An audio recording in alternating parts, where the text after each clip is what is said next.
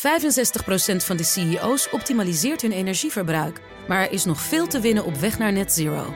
Meer weten? Ga naar pwc.nl slash netzero.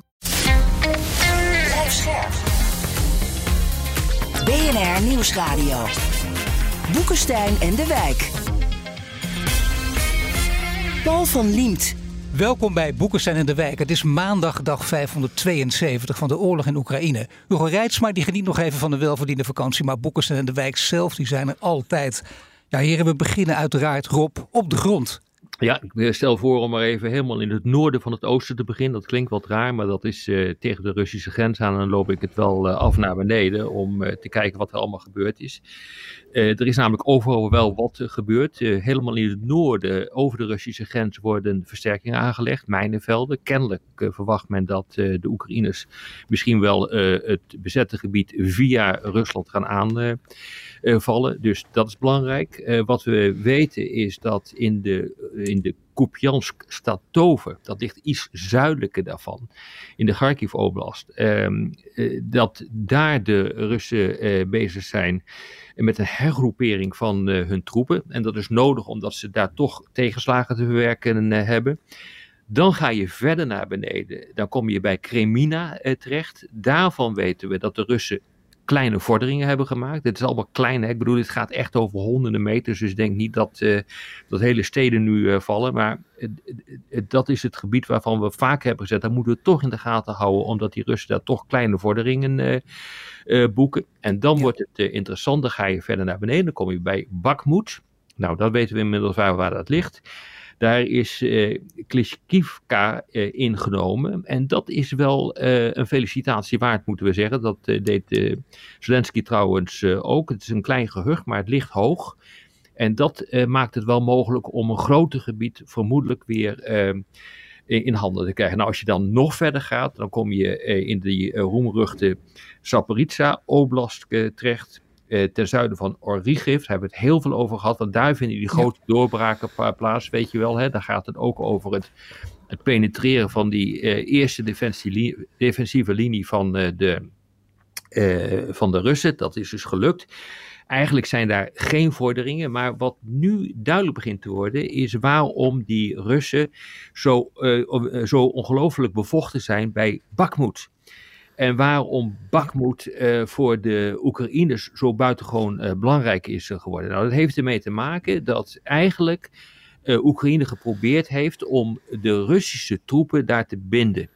Dat wil zeggen dat die troepen, die worden bevochten, die moeten terugknokken. Daar moeten misschien zelf al versterkingen naartoe.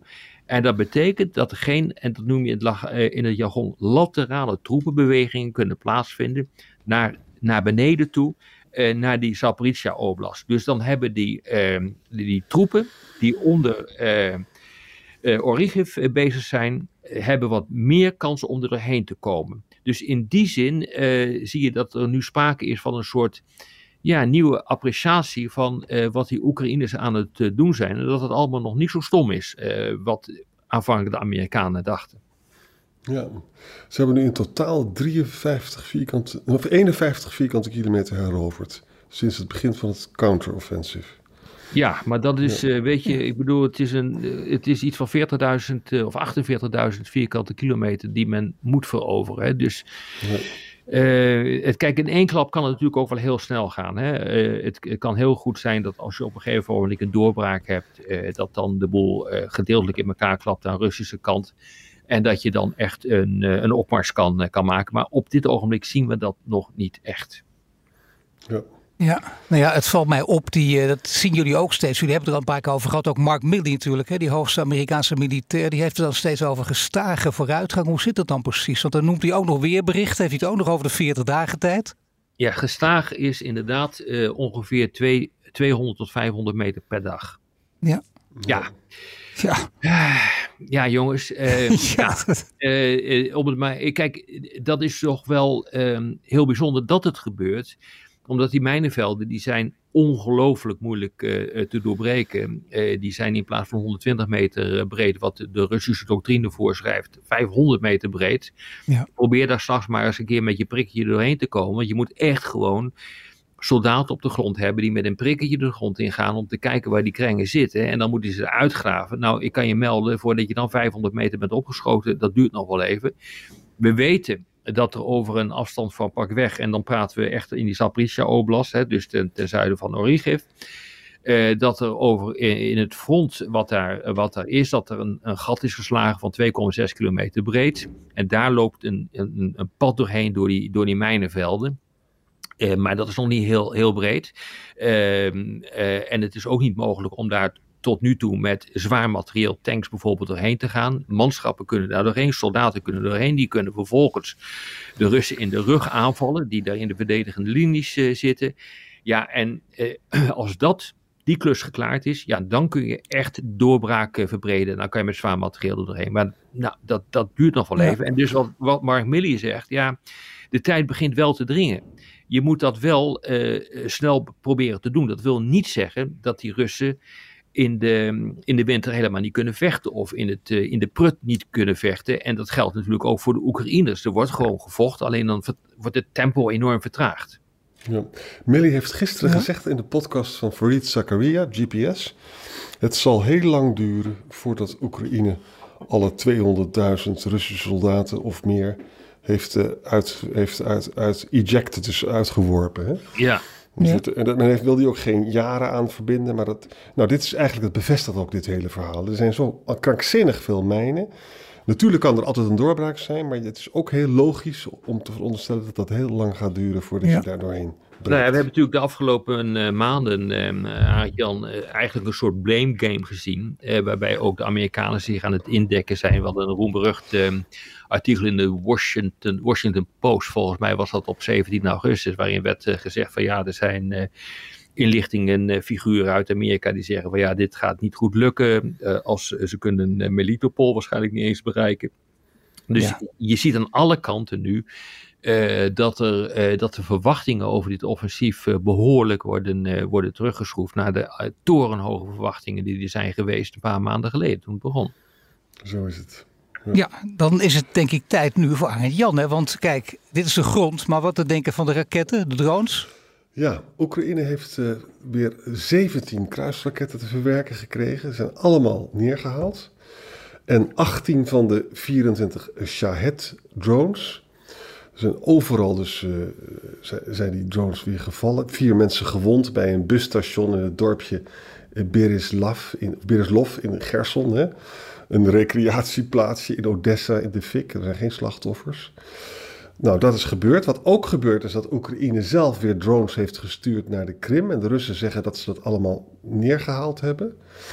En er is vanmorgen was het Russische hoofdkwartier in Donetsk, hè, dat noemen ze Centraal Donetsk. Daar waren dus allemaal uh, explosies te horen. Maar je leest daar verder niks meer over. Dit komt dus van de Russische bloggers. Hè? Mm -hmm. En in Belgorod, dus dat is Russisch grondgebied, hè, daar zijn de, van twee dorpjes, Klotovo en Berimano, is, is dus het, uh, zeg maar de power supply uh, in de fik gegaan door een shelling van Oekraïne. Dat is een beetje het beeld wat er op de grond gebeurd is. Ja, ja, ja. ja. Nee, inderdaad. Nou ja, misschien uh, is er nog wat, Arend Jan, uh, met de raketten en de drones of niet? Dit is het. Nou ja, dat is, nou ja, goed, dan houden we het hier, want we hebben veel te bespreken. Want ik zie ook ja. op mijn lijst staan, we hebben natuurlijk ook nog uh, Angie en, uh, en Sullivan. Daar gaat het over de zorgen die ze uitspreken. Dat moet je denk ik zo letterlijk nemen, maar zeggen jullie het maar.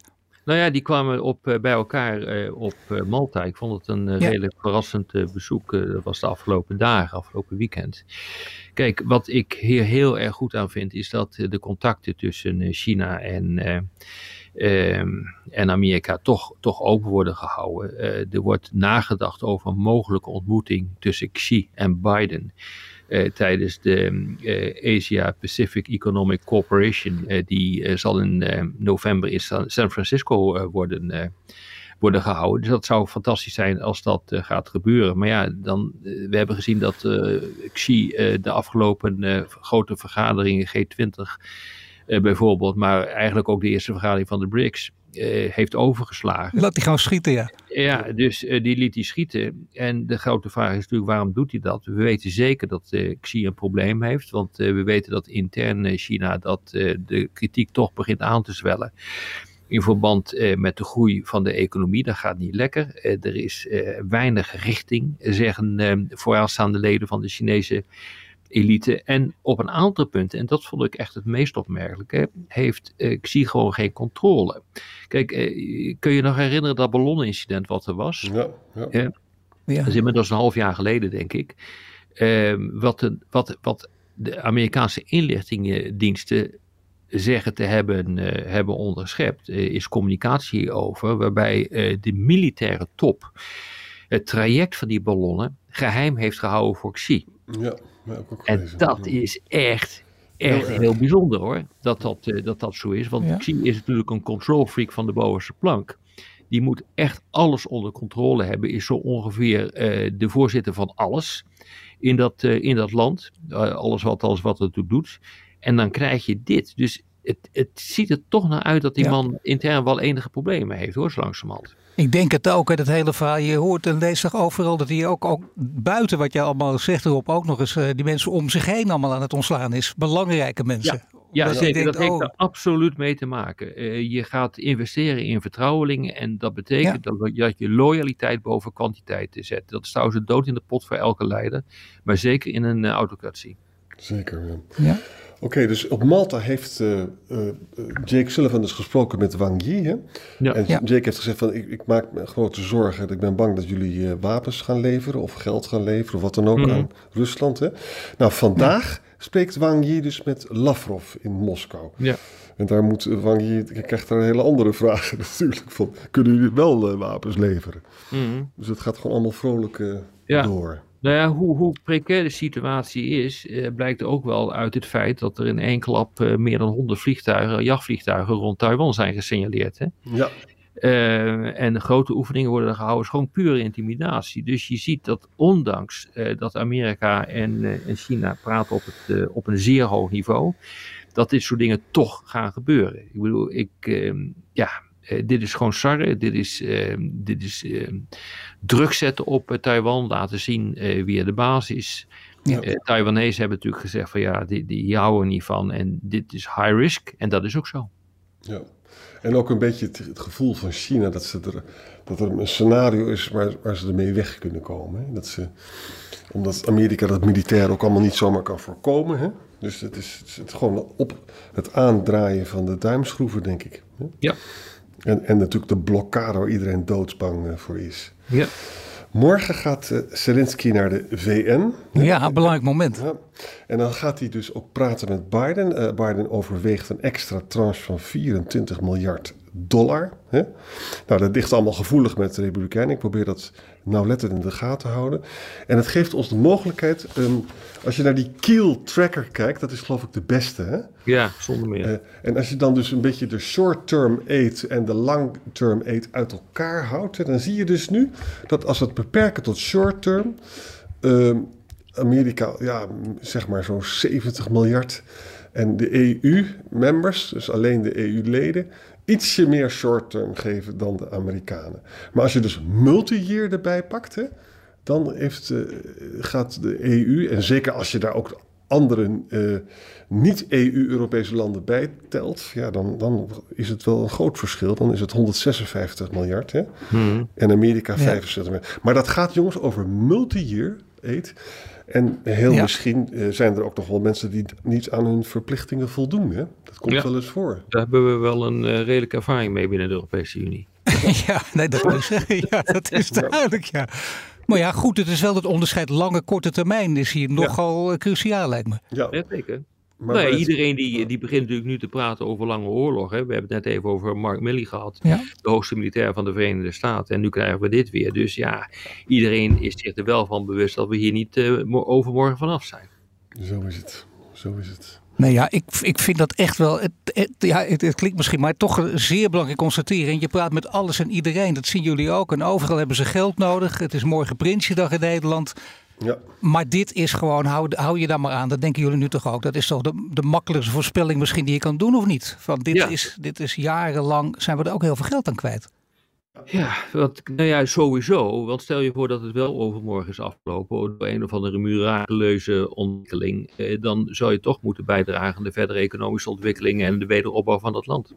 Dat komt bij Europa ja, ook. Hè? precies. Bij Europa. En als uh, jongens, als Trump wordt verkozen, dan zou je dus eigenlijk 3% van je BNP moeten uitgeven. Ja, aan de defensie je. Ja, ja aan en dat, zie je dat Europa doen? Ik zie dat Europa gewoon helemaal niet doen. Mm. Dat kunnen wij gewoon niet. Dat kunnen we gewoon niet. Ja, dat kunnen we wel, maar dat willen we niet. Ja, dat, dat bedoel ik. Een Rijksstad hoor, Arend Jan. Maak je geen zorgen. Ja. Dat denk ik ook, ja. Veiligheid okay. vinden we toch belangrijker. Ja. Nou goed, dan hebben we nog Arend Jan. Die heeft nog iets, volgens mij, iets gevonden. Uh, ja, dat, dat is een verhaal over politica, over hypocriete Oostenrijkers. Maar hoe zit dat dan precies? Nou, het is wel een heel leuk verhaal in, de, in Oostenrijk.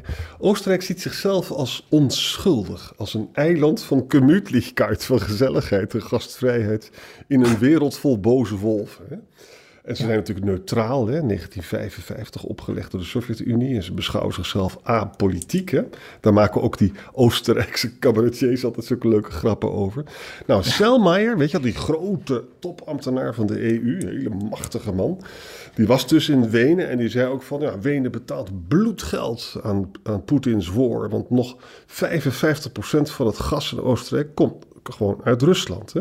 Nou, al die tabloids daar, en je hebt nogal tabloids daar, die, die gaan dan gelijk met zelfslachtofferschap beginnen. Hè? Van Brussel ondermijnt ons, Washington ondermijnt ons, het is allemaal verschrikkelijk. En, en, die, en de EU doet nog veel ergere dingen in de wereld. Ze moeten gewoon ophouden om ons altijd maar te plagen. Ja, en dus gaan dan dus andere mensen natuurlijk beginnen over de Anschluss 1938, weet je, zonder slag of stoot. Hè? Ja. met de nazi's. Of, of 1986, weet je nog, de steun voor Waldheim, die moest president van Oostenrijk worden. Ja, was dat was... oud-secretaris-generaal, maar die bleek dus een uitgebreid nazi-verleden te hebben. Of het niet, niet teruggeven van kunsten geroofd van Joden, maar dat hebben natuurlijk andere landen ook gedaan. Hè? Dus met andere woorden, ja, het is wel een land dat zichzelf wentelt in slachtofferschap. En, en, waarom zeg ik het allemaal, jongens? De Vrijheidspartij, die we natuurlijk goed kennen, die is dus de grootste in de pols. Hè? Mm. En dat zijn mensen die willen dus dat de EU-steun voor de Oekraïne dat dat naar beneden gaat en dat de sancties voor Rusland worden afgeschaft. Hè? En, ja. en somber Mansen die praten dus van, nou, dit, we gaan misschien wel toe naar een urbanisering van Oostenrijk. Hè? Uh, en in de eerlijke moet je zeggen, als Polen misgaat, uh, Hongarije is al mis en Oostenrijk ook, dan hebben we er weer een kopzorg bij. Vind je mm. niet? Ja, zeker. Ja. Maar realiseer je dat Oostenrijk van oudsher erg uh, pro-Rusland is. Ja.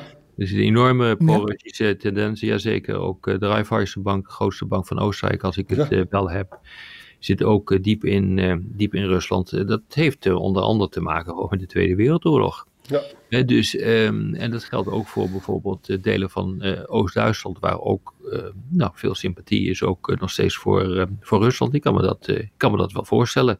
Die zeggen, ja, we zijn ook door dat land bevrijd. Ja, zeker. En, ja. en die stemmen dus op de AFD, die ook steeds maar groter wordt. Dat ja. moeten we allemaal in de gaten blijven houden. Oké, okay, dat doen we hier voor vandaag. Hartelijk dank en tot morgen. Tot morgen. 65% van de CEO's optimaliseert hun energieverbruik. Maar er is nog veel te winnen op weg naar net zero. Meer weten? Ga naar pwc.nl slash netzero.